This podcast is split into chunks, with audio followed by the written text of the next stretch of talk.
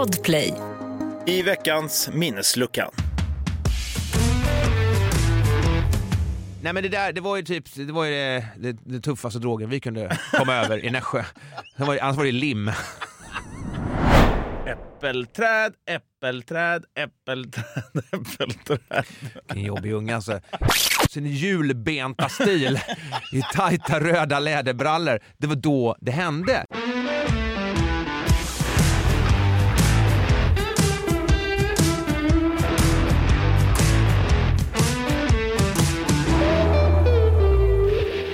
Välkomna till Minnesluckan med mig, Nicke Borg och Janne Innanfors. Känns våra namn bekanta så beror det på att vi båda är programledare på radiokanalen Rockklassiker. Det här är främst en samtals och nostalgipodd där vi varje avsnitt väljer ett nytt år som vi blickar tillbaka på och minns händelser och musik. Vi vänder och vrider på detta, jämför med nutid och ställer oss frågan var det bättre förr? Det kommer du få höra i minnesluckan. Jag har ju även mitt band Backyard Babies också, vilket betyder att vi gör en hel del djupdykningar i min dysfunktionella karriär som rockstjärna. Men nu, låt oss öppna en minneslucka. Janne, vart ska vi bege oss idag? Alltså vad fan, det där lät ju otroligt tillrättalagt. Det är väl fan ett nytt år! Premiäravsnitt på någonting som vi har jobbat med sedan i somras! Alltså på riktigt! Välkomna och god fortsättning! Janne, hade du ett bra nyår? Uh, önskar jag kunde säga ja. Nej, det sög. Sambon var sjuk. Så Va? vi, jag var bara hemma och insåg att för andra året i rad så var jag nykter på nyårsafton. Det har inte hänt sedan jag var 12. Oj, nu gör jag ett stort kors i taket här. Hade du bra då? Ja, jag hade jättebra. Jag var nykter för 15 året i rad. Nej, men jag har haft ett jät jättebra jul och jättebra nyår och jag känner mig, det, det är lite så larvigt, så här, nytt år, nya möjligheter, men det är ett nytt år och vi har ju en otroligt rolig grej att sätta tänderna i, vilket är våran podd Minnesluckan som du lyssnar nu då på premiäravsnittet. Ja, alla mina polare får ju barn nu hela tiden och har fått barn. Vissa har fem redan. Det här är vår lilla bebis. Ja, det här är vår lilla bebis. Den, den har ändå bak, bakat i ugnen ja, sju månader eller något sånt nu. Ja. Så det är Ja. födelsedatum. Så inte helt utvecklad. Nej, lite tidigt. Ja, nu känns det i alla fall lite bättre. Jag blev eh, ganska varm här nu. Janne, eh, vi säger så här. Vilket år ska vi till? Jo, eh, nu ska vi påminnas om året då Tillbaka till framtiden 2 hade biopremiär i Sverige och världens, i alla fall då, största sfäriska byggnad invigdes, nämligen Globen. Jag tror att den här The Sphere nu är större va, i Vegas. Och den har fler LED-skärmar i alla fall. Ja. Lyssnar vi in låten som toppade amerikanska Billboard-listan det här året så lät den så här.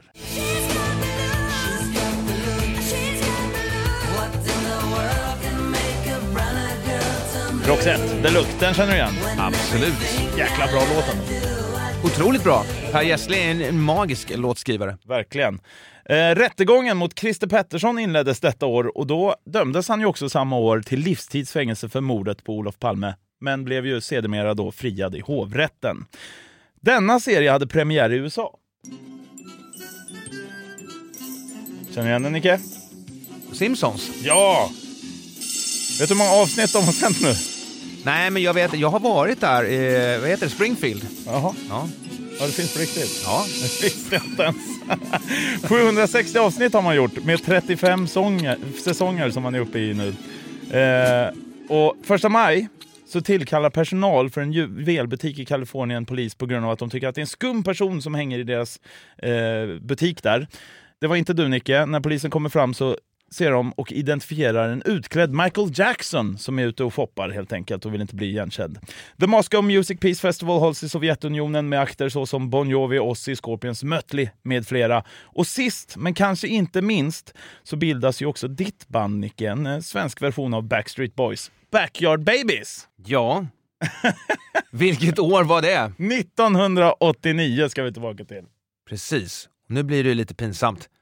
Eh, det är ju ironiskt att vi ska börja eh, premiäravsnittet med någonting som är en riktig jävla minneslucka. Ja, då tänker du på.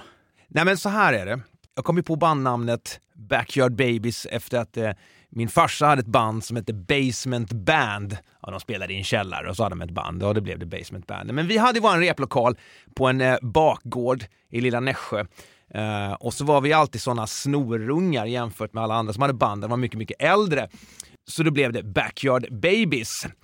Och eh, vi, eh, vi satt efter vi hade varit på Monsters of Rock i just Globen och skulle ta tåget hem till lilla Nässjö. Satt där i trappan vid T-centralen och väntade på så här morgontåget klockan fem. Och, och där presenterade jag då så här, men ska, ska vi inte liksom döpa bandet till Backyard Babies? Så det bestämmer vi då och där.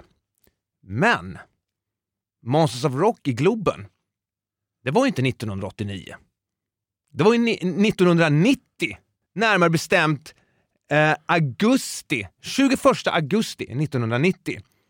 Och det här, det här nu, har jag, nu, nu, nu har jag kommit på vad det här beror på. För när Backyard Baby skulle fira 20-årsjubileum eh, 2009 då, då, då var det så här, ah, men det, fan, det stämmer inte med våran release och vår turné som vi har planerat. Så att vi hade förvisso börjat spela tillsammans 89, men Backyard Babies bildades inte förrän 1990. Men då tänkte vi så här, ah, det är ingen som kommer kolla upp det där ordentligt. så att vi säger 89, september 89 och sen cementerade vi bara det i med det där 20-årsjubileet. Så när det var dags för att fira 30-årsjubileum, då är det liksom helt så här förträngt vilket egentligen vilket var rätt år. Så nu, alltså jag blir helt genomsvett här nu. Men så att vi, när vi hade 30-årsjubileum så var det 29-årsjubileum. Så att eh, Hela karriären byggd på en lögn med andra ord. hela karriären byggd på en Jag lugn. var ju där och firade det här 30-årsjubileet. Precis. Mm. Ni körde ju, ni hade släppt Sliver and Gold, tror jag Precis. den heter va? Bara för att jävlas med... Hade du dratt fram din journalistiska sida kunde du bara “Hallå, är det inte egentligen bara 29-årsjubileum?” Ja, vad sjukt. Ni sjunger ju också i Shovin' Rocks att ni har varit och kört, det är någon rad där om 30 år med rock'n'roll. I, I, I, I, I've been uh, sh- shoving 30 uh, years of rock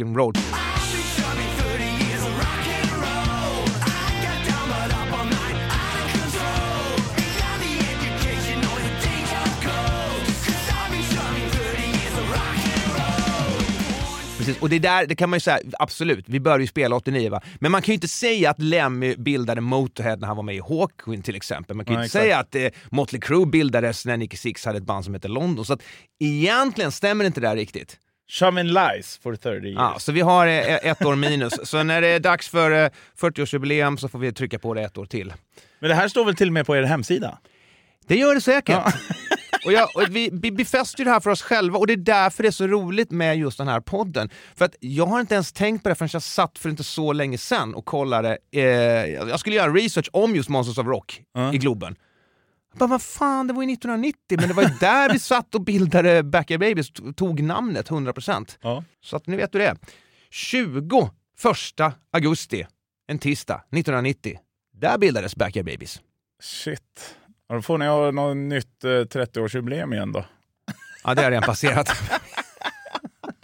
Ja men shit. Ja. det är 1989 vi är på däremot Nicke. Precis, det är 1989 som är eh, den här veckans år. Och då kan jag faktiskt säga så att eh, där, där vi var tillsammans 1989, det var inte i Globen utan det var på Skandinavium. För där var jag nämligen och såg min första stora hårdrockskonsert, nämligen Motley Crue på Skandinavium 1989 med Skid Row som förband. Då var det inte Erik Grönvall som sjöng inte. Nej, det var det inte. Det var en jävligt peppad Sebastian Bach kan jag säga. Som, eh, Skid Row som fullkomligt sopade mattan med Motley Crue. Motley Crue hade ju kommit ut från någon sorts rehab.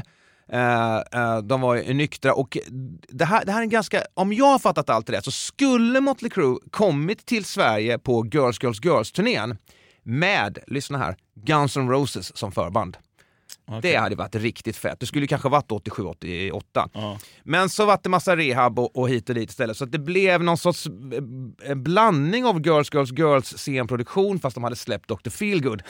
uh, så att, och de var väl liksom då kanske inte så superglada på att åka runt där spiknyktra liksom. Nej. Eh, om de nu var det. Eh, som Rachel Bolan, basisten i Skid Row själv sa, som de var väl så nyktra som de kunde vara. Vad fan det betyder. eh, men där i alla fall, eh, eh, Skandinavium, eh, så jäkla coolt. Det var ju oktober 1989, längst fram på Motley Crue. Och jag glömmer aldrig när Sebastian Bach sprang ut på scenen och så pekade han på mig för jag hade en Skid Row t-shirt på mig. Så Skid Row, Big Guns blew me away stod det. Ja, du stod längst fram typ också? alltså. Jajamensan! Första året, längst fram. Sprang in, en sån här klassisk grej, sprang in över planen där på Skandinavien. Ja. Det är lite roligt för att jag hade ju min första hårdrockskonsert också i Globen. Det var dock 2006. Och det var också Mötley Crüe däremot. Jaha, jäklar. Då var de nog inte helt nyktra, men de var inte lika bra heller. inte helt bra ska jag säga. Nej, nej. Då var de inte, de var inte sin, under sin storhetstid kan man säga. Nej.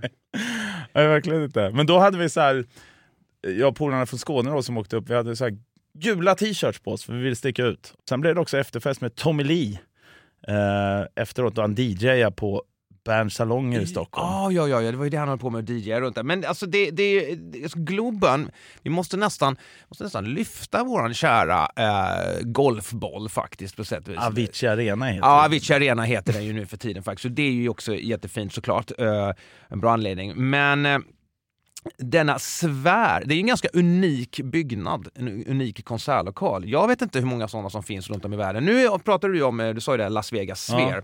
Eh, den är ju en, eh, en, eh, en level up kan man säga med LED både inuti och utanpå. Ja, helt helt, galet.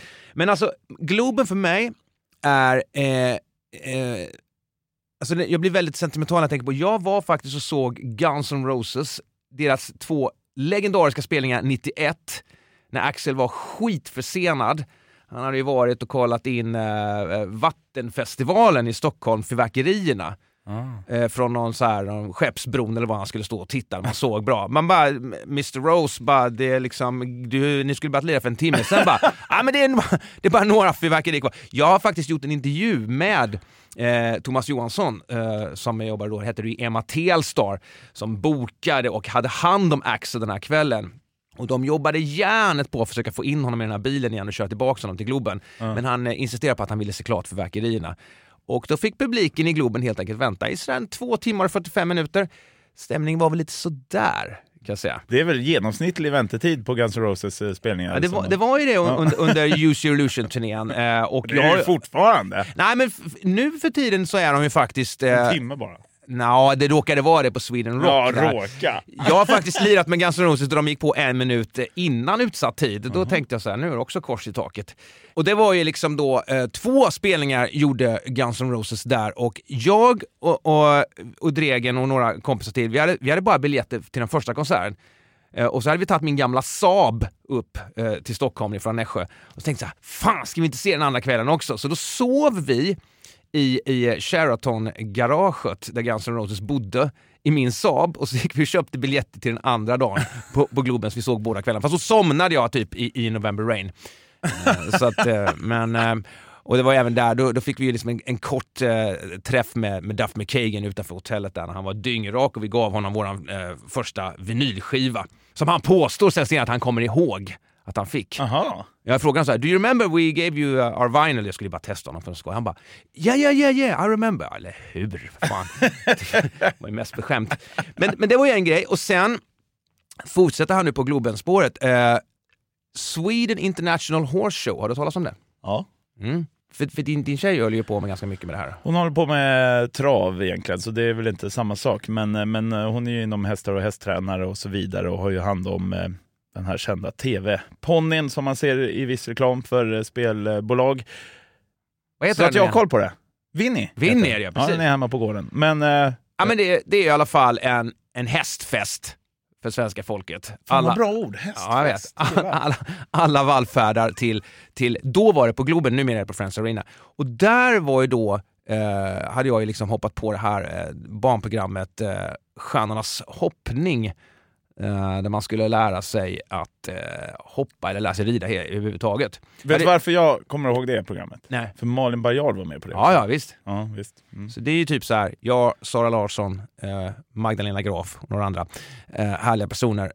Och jag har sex veckor på mig att lära mig hoppa och, och rida och så vidare. Och sen skulle det vara då inför 12 000 pers i Globen. Så då är, och det, är- det, är- det tioårsjubileum nu faktiskt. Ja, lite drygt. Det är faktiskt tioårsjubileum. I år? Ja, Ja, det- det har ja, koll på. förra året, 2000, 2023 alltså. Okej, det har jag koll på. Men det var inte då hon red naken? Nej, det var mycket tidigare. Mm. Eh, men det var väl under den också då. då. Eh, Det hette ju Stockholm eh, Horse Show på den tiden. Så att det har jag gjort i Globen och nu senast så var jag såg eh, countryartisten Luke Combs på Globen. Eh, en, konsert som först var bokad på Annexet, sen var den flyttad till Hovet och sedermera blev det Globen. Så att jag kan säga Globen har liksom följt med mig sen, sen väldigt tidigt i livet. Det är rätt häftigt. Och det är, många, det är många som gnäller på Globen. Ah, det är ingen bra konsertlokal, ljudet är inte bra, man sitter inte bra. Så här. Men det spelar liksom ingen roll för mig. För, för, för mig är Globen liksom nummer ett eh, arena i, i, i Sverige. För det är där jag har, har mest minnen. Har du lirat där någon gång? Jag har lirat där också. Många Nej, det har jag inte. Nej, du har inte det? Kolla, han har inte koll på sin egen karriär. det kanske kommer då, Nicky. Jag var däremot där på en spelning som var jävligt speciell med Metallica. Ja, Ehm. du tänker på den när han inte dök upp, han blev magsjuk. Ja, och det roliga där var att jag var ju dyngrak den kvällen. Jag hade festat alldeles för tidigt, jag var astaggad på Metallica, ett av mina favoritband. Liksom. Eh, och dessutom bodde jag inte i Stockholm utan man hade åkt upp liksom, med tåg och så och börjat festen där. Så jag var ju, alltså, jag köpte popcorn och så hällde jag senap på det och käkade. Där var jag i mindset.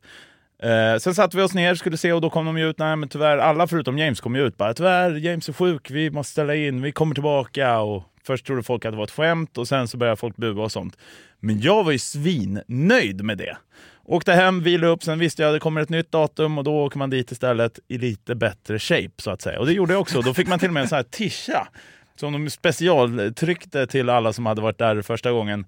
Eh, där de gjorde om texten på någon låt, nu kommer jag inte riktigt ihåg, men det var ju något eh, ostron som gjorde honom sjuk påstår han. Så det står Oyster och så gjorde de om någon eh, Metallica-låttext. Den tishan har jag kvar. Riktigt ful är den, men rolig. Det är ändå ganska intressant, ett band på den nivån, uh, då kanske man skiter i det, eller jag vet inte, att man går på, det fick väl den där stackars restaurangen på Söder oförtjänt massa skit, det var väl inte restaurangens fel, det var väl bara en olycklig händelse. Men alltså om man säger så här, om jag har ett viktigt gig med massvis med publik som står och väntar, inte fan ska jag sätta mig och bara kötta i mig ostron innan gig.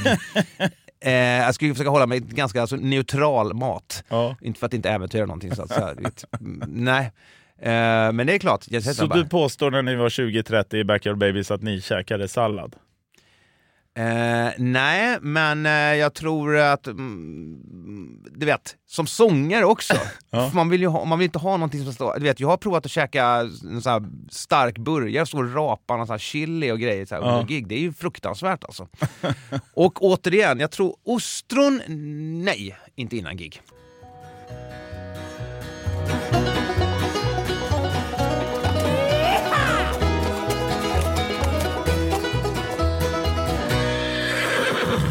Hästfest även i podden alltså!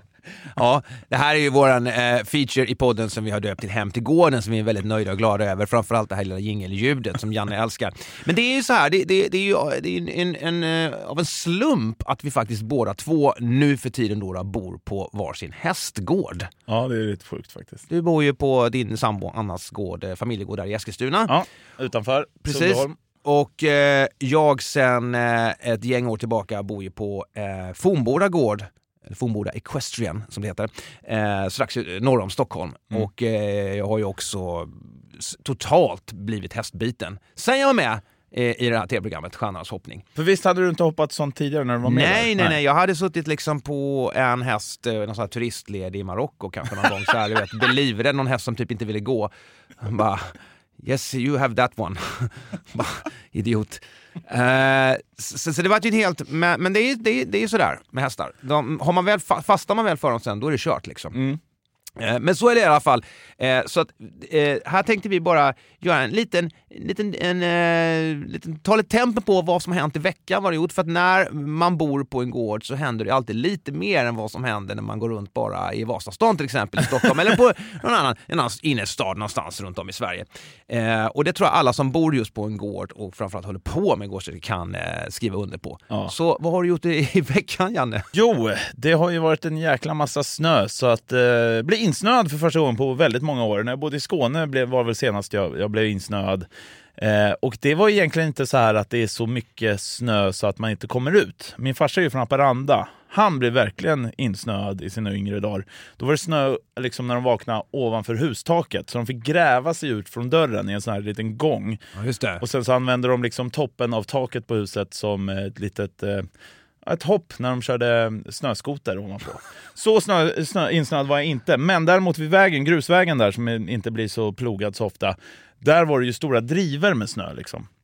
Så när jag skulle ut med bilen så ser jag shit, det här, eh, det här blir på en hårsmån. Så man tar lite sats så här, men eh, hård snö, fastnar med bilen och eh, fick helt enkelt börja skotta runt omkring och sen så ta eh, fyrhjulingen och dra upp den igen och så hem. Och, eh, ja, det var en liten upplevelse. Inte så farligt med tanke på bara för några veckor sedan så så var det ju riktigt kaos på E22 där folk satt fast i 19 timmar. Så farligt var det inte för mig. Jag kunde gå hem egentligen och värma mig igen.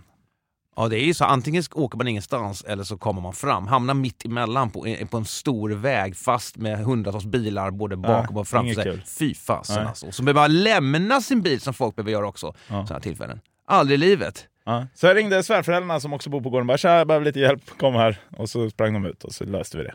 Men du ringde inte till din pappa för han skrattade åt dig så det där är väl ingen snö? Nej, exakt. Stockholmsjävlar. ja, ja. Exakt så hade det varit. Själv då, vad har du hittat på med? Eh, jo, nej men alltså jag har haft eh, en väldigt eh, intressant tid här nu eh, i två veckor ungefär för att eh, i, so i, I somras, förra sommaren, så gick en av våra katter bort. Vi var tvungna att avliva honom. Och, eh, det var en jätte, jätte, jättejobbig historia. Han hette Gimli. Så då kände vi att eh, nu var det dags att adoptera två katter till. För jag tycker att vill man ha husdjur, firandjur, djur, så ska man inte man ska inte köpa nya valpar eller nya kattungar. Det finns så otroligt många eh, rescue cats eller shelter cats, eller hundar då, då som är upphittade eller behöver en ny ägare som man kan, eh, som, ja, som helt enkelt söker ett kärleksfullt hem. Så det är dit man ska vända sig. Jag vill verkligen sträcka upp en flagg för detta.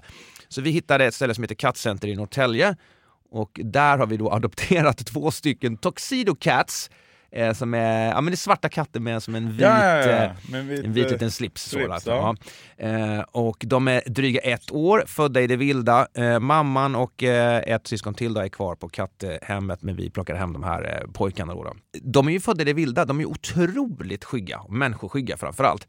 Men vad betyder det, att de är födda i det vilda? Ja, alltså nå någonstans har ma mamman var liksom, ingen som vet vem som äger den. Stray Cats? Ja, Stray Cats, precis. Okay, hon, hon, hon, har liksom fött dem någonstans. Och de, det var på någon liten, hur de överlevde den första vintern har jag ingen aning om, men eh, sen under då hela förra sommaren så har de eh, sprungit runt en kolonilott utanför Norrtälje, sen, sen gamla pensionärer som går där och har lite morötter i något land.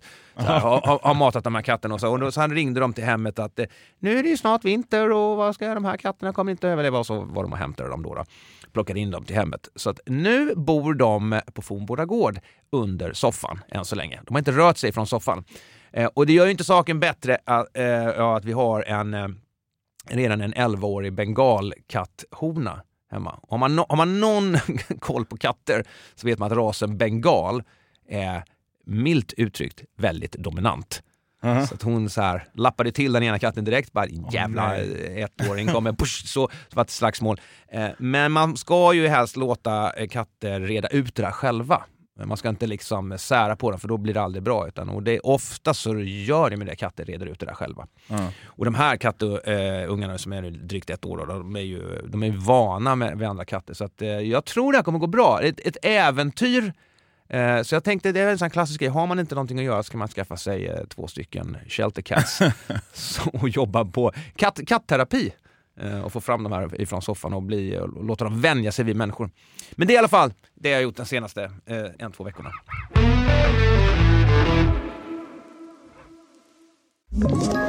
Ett poddtips från Podplay. I fallen jag aldrig glömmer djupdyker Hasse Aro i arbetet bakom några av Sveriges mest uppseendeväckande brottsutredningar. Går vi in med hemlig telefonavlyssning och, och då upplever vi att vi får en total förändring av hans beteende. Vad är det som händer nu? Vem är det som läcker? Och så säger han att jag är kriminell, jag har varit kriminell i hela mitt liv men att mörda ett barn, där går min gräns. Nya säsongen av Fallen jag aldrig glömmer på Podplay. Ja, det är lite vad som hände i veckan, men nu är vi alltså på året 1989 och en annan kul grej som jag nämnde precis i början där som hände just första maj var att eh, personal för en juvelbutik i Kalifornien blev eh, tillkallade polis på grund av att de tyckte att det var en skum person som hängde i deras butik. Och när polisen sen kom till platsen så visade det sig vara en utklädd Michael Jackson 1989 alltså som identifierades. Och det här var ju bara för att han ville foppa och inte liksom eh, synas och så vidare. Och vad jag har hört så har man ju senare eh, även så här hyrt in skådespelare som varit i butiker bara för att han skulle få känna sig någorlunda normal när han foppade. Så han, de hyrde ett helt köpcentrum och så var det en massa skådisar i butiken. Fatta jobbigt liv alltså. Ja, oh, fy fan, det där att ta det till en, en, en helt ny nivå alltså. Uh... Men du som rockstjärna i Sverige då, hur, ert band, har ni velat liksom inte synas någon gång om man säger så?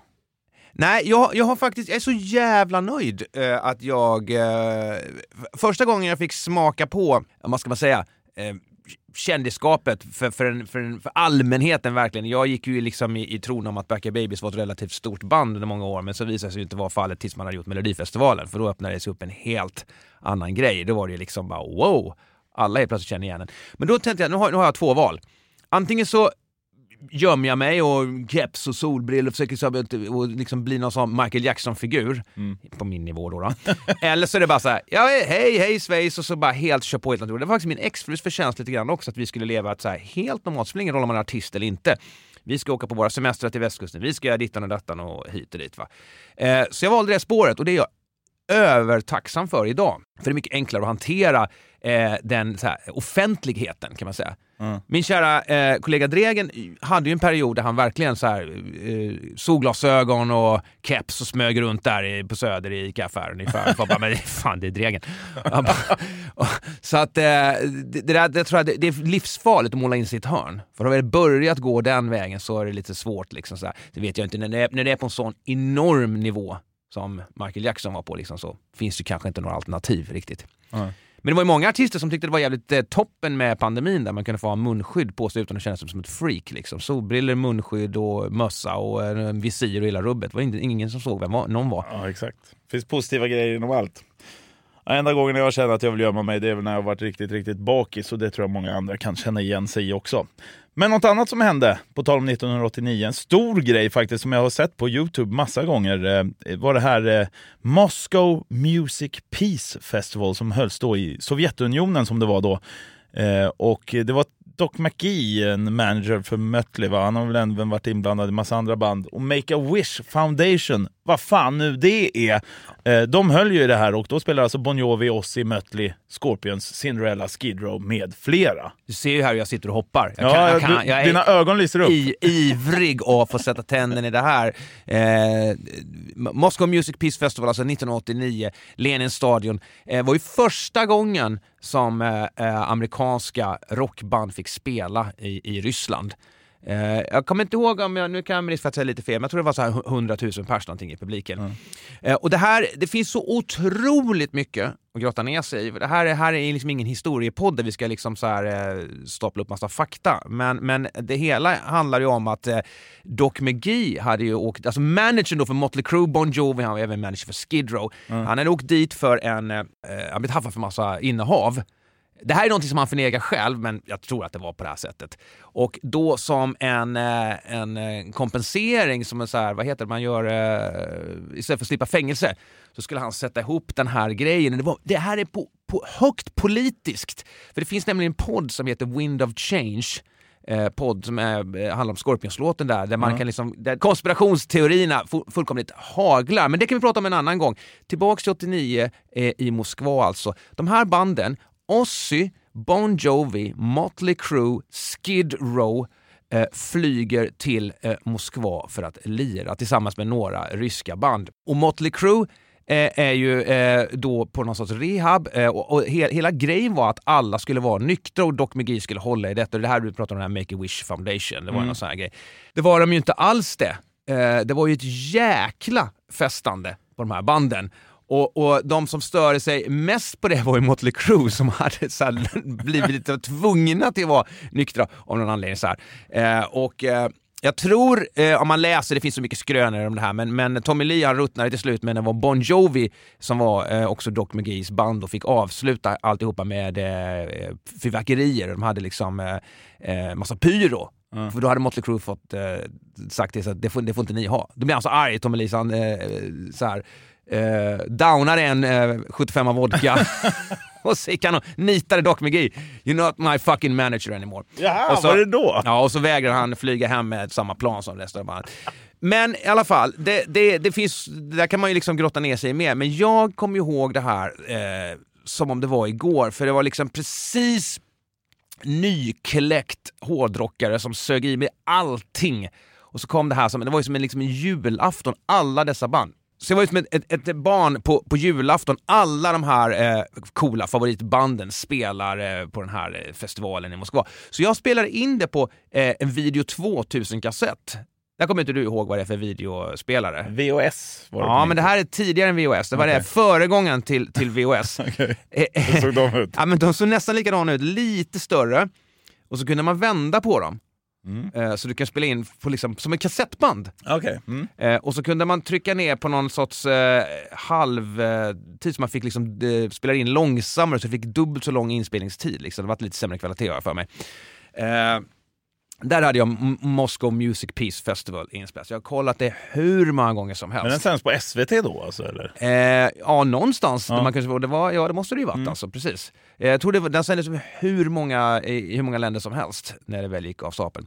Eh, och Skid Row, asdåligt ljud, öppnar, men det är alltså, ja, det här är ju en once, once in a lifetime grej. Alltså, så, de, här, de här banden på samma scen i Moskva 1989. Ja. Helt galet. Men jag säger det igen, jag påminner. Eh, vi ska ta upp det här lite senare framöver. Eh, podden då, Wind of Change.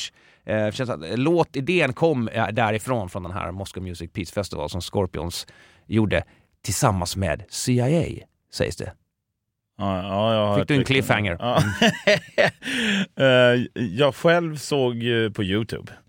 Ja, det finns ju alltid Den spår finns där på alltså. Youtube att se. Det, Mötley Crüe ser jäkligt coola ut där faktiskt. Ja. Och så skitmycket folk och fint väder. Påminner om Sweden Rock fast det är en större version. Ja, ja, det, det, det är galet alltså. Ja, det känns ju lite som att man kanske skulle lägga in en sån här nu det här året också. Hade inte varit så dumt med en Moscow Music Peace Festival. Om man lämnar det där.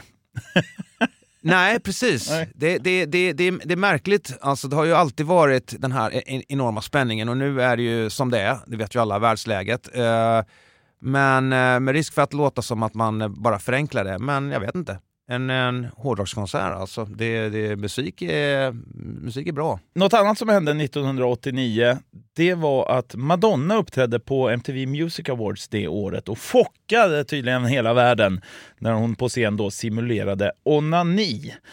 Eh, det här tyckte jag ju var sjukt och eh, var tvungen att spana in det här igår när jag visste att vi skulle ha just det här året. Så jag kollade på Youtube återigen och försökte hitta det här eh, simuleringen av onani och eh, när det var klart, själva uppträdandet, så kände jag att jag hade missat det så jag fick se det en gång till. Eh, och till slut så insåg jag då att nej, det som var simuleringen av onani var när hon satte mikrofonen mellan brösten och sen tog hon handen mellan benen som Michael Jackson gjort i, i säkert flera år vid den här tiden. Eh, och det var det som chockade världen. Det var liksom det som var det hela. Och jag fattar alltså, what? Och sen kom Rammstein Ja, exakt. på en, eh, en eh, robotstyrd kuk. Men vilken jävla ikon Madonna är alltså. Ja, Så det, jäkla cool när jag såg Och henne. eh, jag, eh, jag gillar Madonna, jag såg inte henne här när hon var sist alltså, men hon, är ju verkligen en, en ikon som du säger. Och eh, i året 89 släppte hon ju faktiskt Like a prayer. Och jag tycker att det är en av Madonnas bästa alster. Mm. Eh, måste jag säga. Och jag är ännu mer förtjust i, eh, i Like a prayer efter att eh, Miley Cyrus eh, gjorde en eh, cover på eh, Like a prayer. Har ni gjort någonting som chockat världen någon gång, Micke?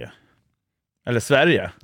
Nej, men inte, inte si- simulerat eh, onani på det här sättet. Alltså, men jag, jag tänker bara igen på, på, på Rammstein som, som tar ut svängarna rejält hela tiden i sådana här grejer. Och det har ju artister gjort genom alla tider. Eh, och det, det här är väl egentligen, det blir så jävla larvigt när det är MTV, för det ska alltid... eh, återigen, eh, när Miley Cyrus twerkade där eh, på något år, det var också ett jävla massa skriverier. Det var också MTV-galan. Så det verkar vara någonting som MTV har lite problem Ja, med. men sen var det ju den tiden också, alltså det var ju lättare att chocka världen på den tiden än vad det är nu. Senast jag såg liksom en kvinnlig artist chocka världen nu för tiden var väl hon som kissade på något fan på scenen, vem nu det var. Men det, här, det ville ju fanet själv, så jag tycker att det är väl inget konstigt. Just ja, ja, jag vet vad du menar. Jag vet vad du menar. Ska vi gå vidare till en grej som vi kommer köra varje avsnitt? Ja, och det är... Den svåraste biten. Mm.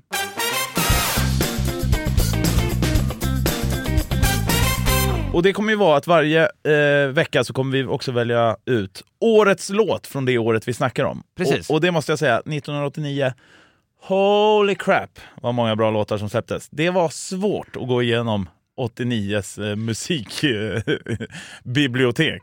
Det är helt fruktansvärt många bra skivor som släpptes 1989. Eh, och eh, det var fruktansvärt svårt att välja ut en låt. Men jag har lyckats. Men ska du börja, Janne? Ska- Du vill att jag börjar? Ja, verkligen.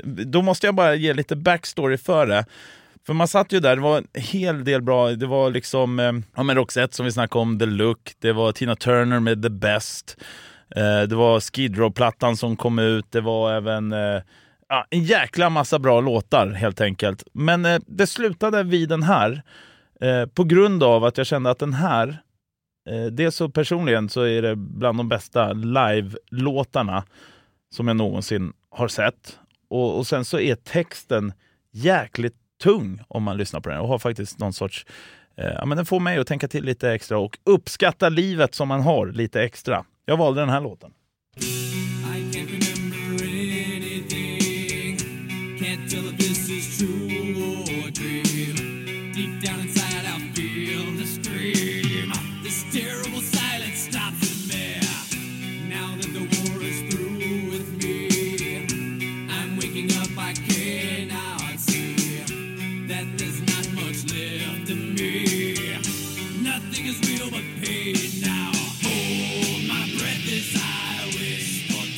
Känner ni igen den?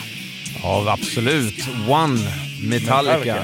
Det är en bra låt. Den är skitbra att se live när de kör den. Alltså. Och när scenerna ramlar ihop och de simulerar krig och så vidare. Alltså, den är fet att se live. Jag kommer ihåg en Justice for All väldigt väl. Det där är ju en, eh, en väldigt rolig platta. Det finns ju så många basskämt om den där plattan för att eh, man har ingen bas på den och så vidare. Det finns ju basister som har spelat bas på plattan. Så här skulle en Justice for All låtit med bas och så vidare.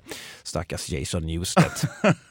Nej men det där, det, det, det ja, absolut. Men vad menar du med det? Alltså vadå? Han Ja, var väl med i bandet och Ja, spelade? fast han var så jävla mobbad och de har mixat ner basen. Alltså lyssnar man riktigt noga på en Justice for All så finns ju knappt någon bas. Ja. Ja, så det är bara, på. jo det, det, det jag lyssnar ordentligt. Och så kolla in på Youtube basister som sitter och lägger bas på. Så här nog- Lät, låter det bättre då? Ja, alltså det beror lite på. Det, det, det, soundet är ju speciellt för att den är mixad på det sättet. Eh, och eh, det är speciellt med Jason Newsted när han har kommit med i Metallica, absolut. Vad valde du för låt då? Av alla de här godheterna. Ja, du nämnde ju eh, skivan Skid Row som jag såg då, då som förband till Motley Crue på Skandinavien. Min första hårdrockskonsert alltså som jag pratade om tidigare. Det var alltså inte då Monster of Rock 1990 i Globen, där Backyard Babies bildades. Nej, det är Skid Rows debut eh, som kort och gott heter Skid Row. Eh, och jag vet inte vad det var med det bandet och den plattan, men den kom så helt perfekt för mig.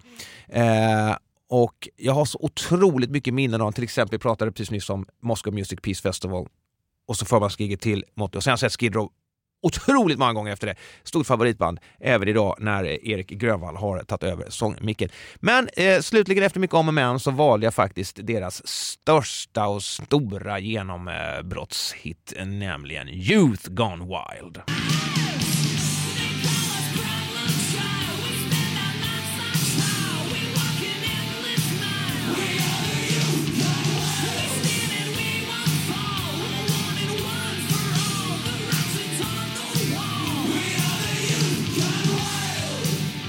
Ja, jag fick ju aldrig se Sebastian Bach live, men däremot Erik Grönvall och även tidigare sångaren som jag glömt vad han hette nu. Ja, det var lite olika där, precis. Eh, Och såg dem faktiskt förra året på Sweden Rock. Då uppträdde de för första gången på hemmaplan med just Erik på sång. Och då stod jag side stage och det var så jäkla roligt för innan giget då skulle börja så kom Erik eh, fram, astaggad ju, med en Sverigeflagga runt omkring sig och så bara går han fram till mig och min sambo bara skriker allt vad han pallar. Jag älskar Sverige! Och sen kutar han in på scen. Erik Grönvall skulle kunna ägna e- ett helt eh, poddavsnitt åt faktiskt, tycker jag, för att han är ett unikum på, på, på så många sätt. Men, och, Vi har ju sagt och, att vi inte ska ha några gäster, men vi kanske kan bjuda in honom någon gång. Ja, det kanske skulle göra faktiskt. Eh, en, en riktig survivor ja, på alla sätt. Eh, men eh, jag har turnerat med Skid Row med en annan sångare också och sen har jag då sett Skid Row åtskilliga gånger med just Sebastian Bach. Och nu är han ju bara lite gammal, Sebastian Bach, och lite pinsam när han är på och drar det här fram och tillbaka så det ska återförenas eller inte, men det är ingen som vill återförenas med honom och så vidare. Jag vet inte exakt vad de där har, eh, vad de gjorde eh, när de gick skilda vägar. Rachel Bolan gick ju ut här i början av året och sa att Sebastian Bach, alltså att plattan när han joinade var nästan ja, till 95 procent redan färdigskriven. Ja, och det här är så larvigt. Uh, Rachel Bolan också i all ära, jag, jag gillar honom, jag känner honom väl, men det blir så här, varför ska ni ens hålla på och prata om det där för? Det vet väl alla, det är bara att läsa liner notesen. Det står ju att uh, ni har skrivit alla låtarna.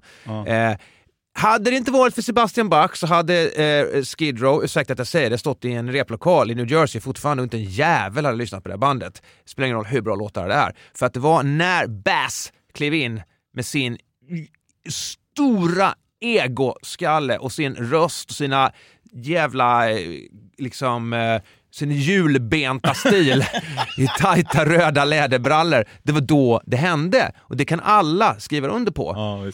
Och, och Erik Grönvall låter ju som en ung Sebastian Bach. Det är därför det funkar så jävla bra idag. De andra sångerna som Skid Row har haft har ju inte varit liksom kanske riktigt sådär.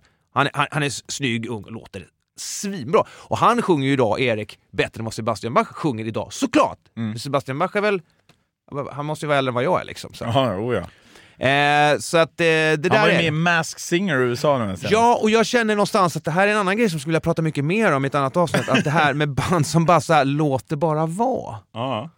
Alltså det var underbart. Det blir liksom till slut när man har kört sönder det, då får man det sista minnena fansen har är bara ett bråk eller någon skittafflig återföreningsturné där det bara låter för jävligt.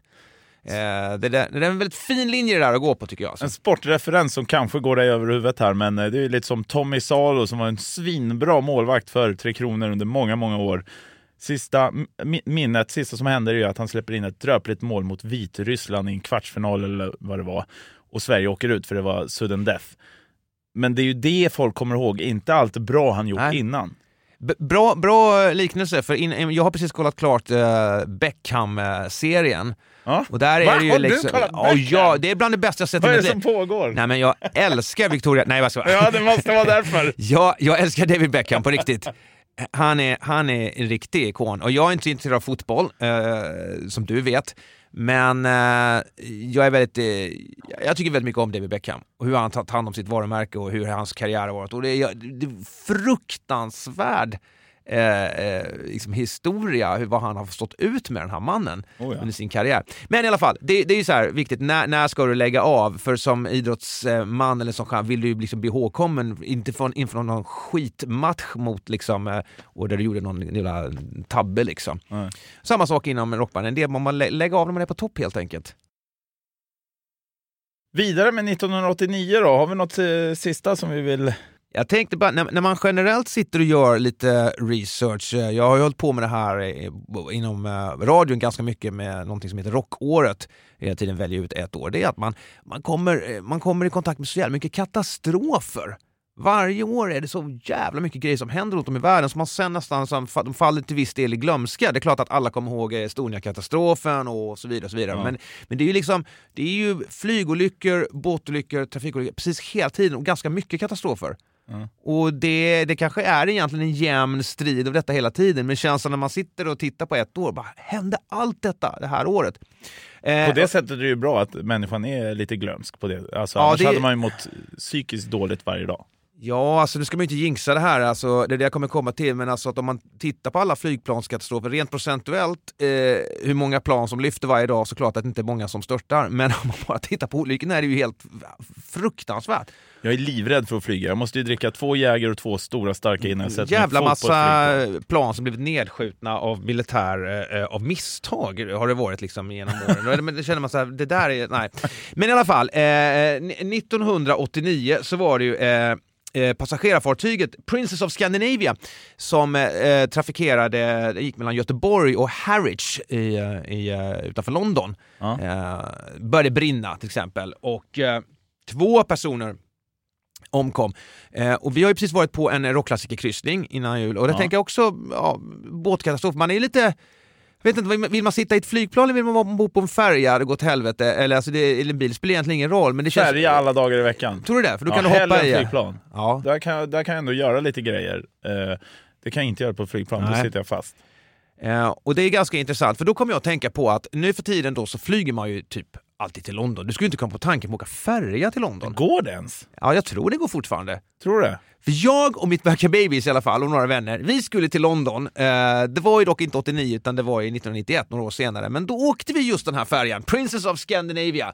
Eh, vi tog eh, bilen från Nässjö ner till Göteborg och sen så färja över till Harwich och sen så upp, något tåg upp till London. Eh, Är det verkligen ner? eller upp eller ner. Jag tänker Nässjö, Göteborg, va? Nej, upp måste det vara. Nej, inte upp! Är det inte? Ah, ja. Alltså du menar där? Jag tror du menar Harwich, London. Fan, Nässjö, hjärtat av Småland, okej, ner, snett neråt Ja, mot, snett. mot västkusten. Eh, och då, Där gick vi off topic, fortsätt.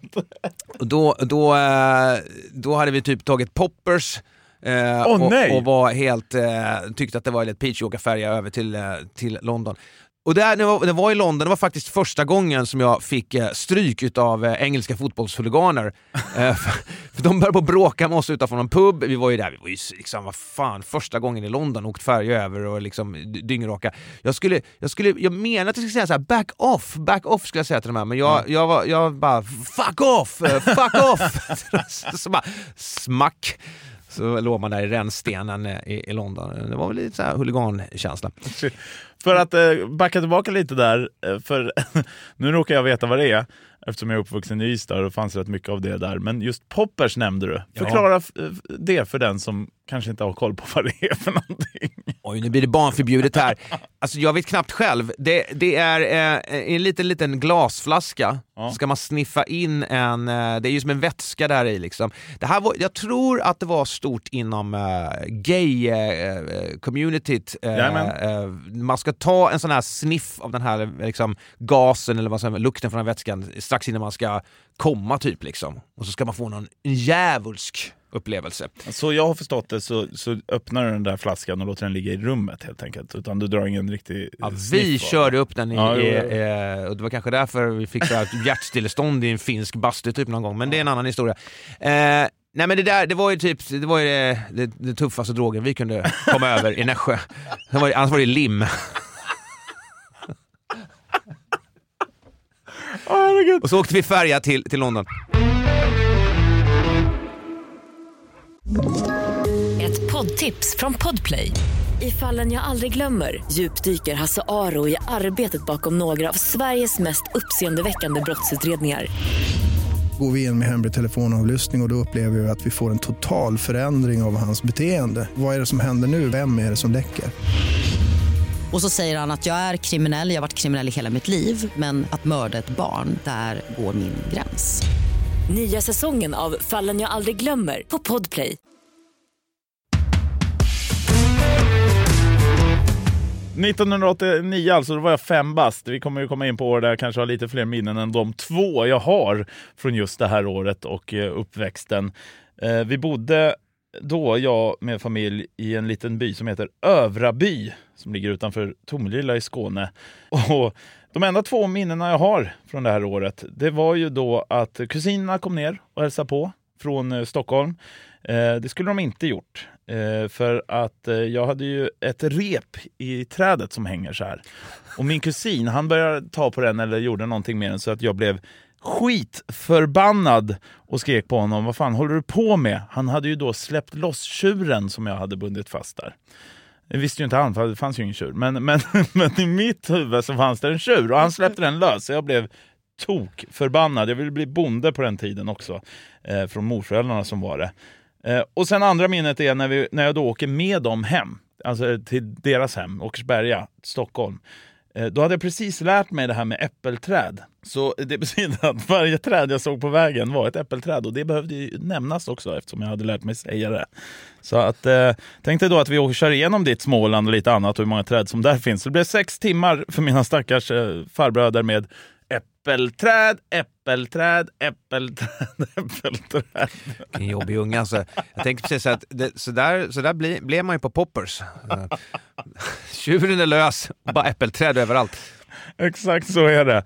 För att summera det här då, första avsnittet, premiäravsnittet. Ja, minnesluckan är vår nya bebis som nu äntligen är eh, ute. Ja. Och eh, varje måndag så släpper vi ett nytt avsnitt eh, och där vi eh, dyker ner i ett nytt år, men som du har hört här nu så spårar det ur direkt alltså. Ja, vi kommer in på lite andra prylar också som poppers och eh, inser att eh, ens karriär har varit fel i alla år.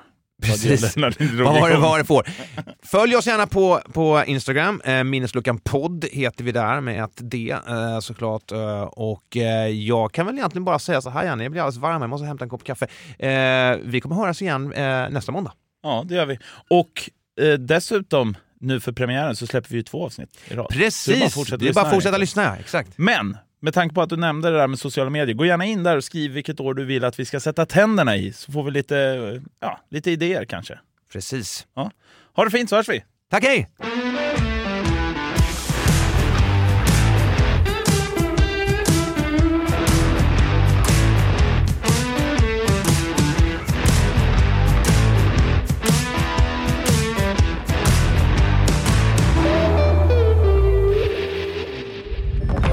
Podplay, en del av Power Media.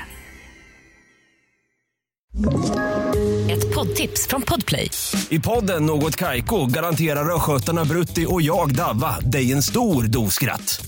Där följer jag pladask för köttätandet igen. Man är lite som en jävla vampyr. Man har fått lite blodsmak och då måste man ha mer.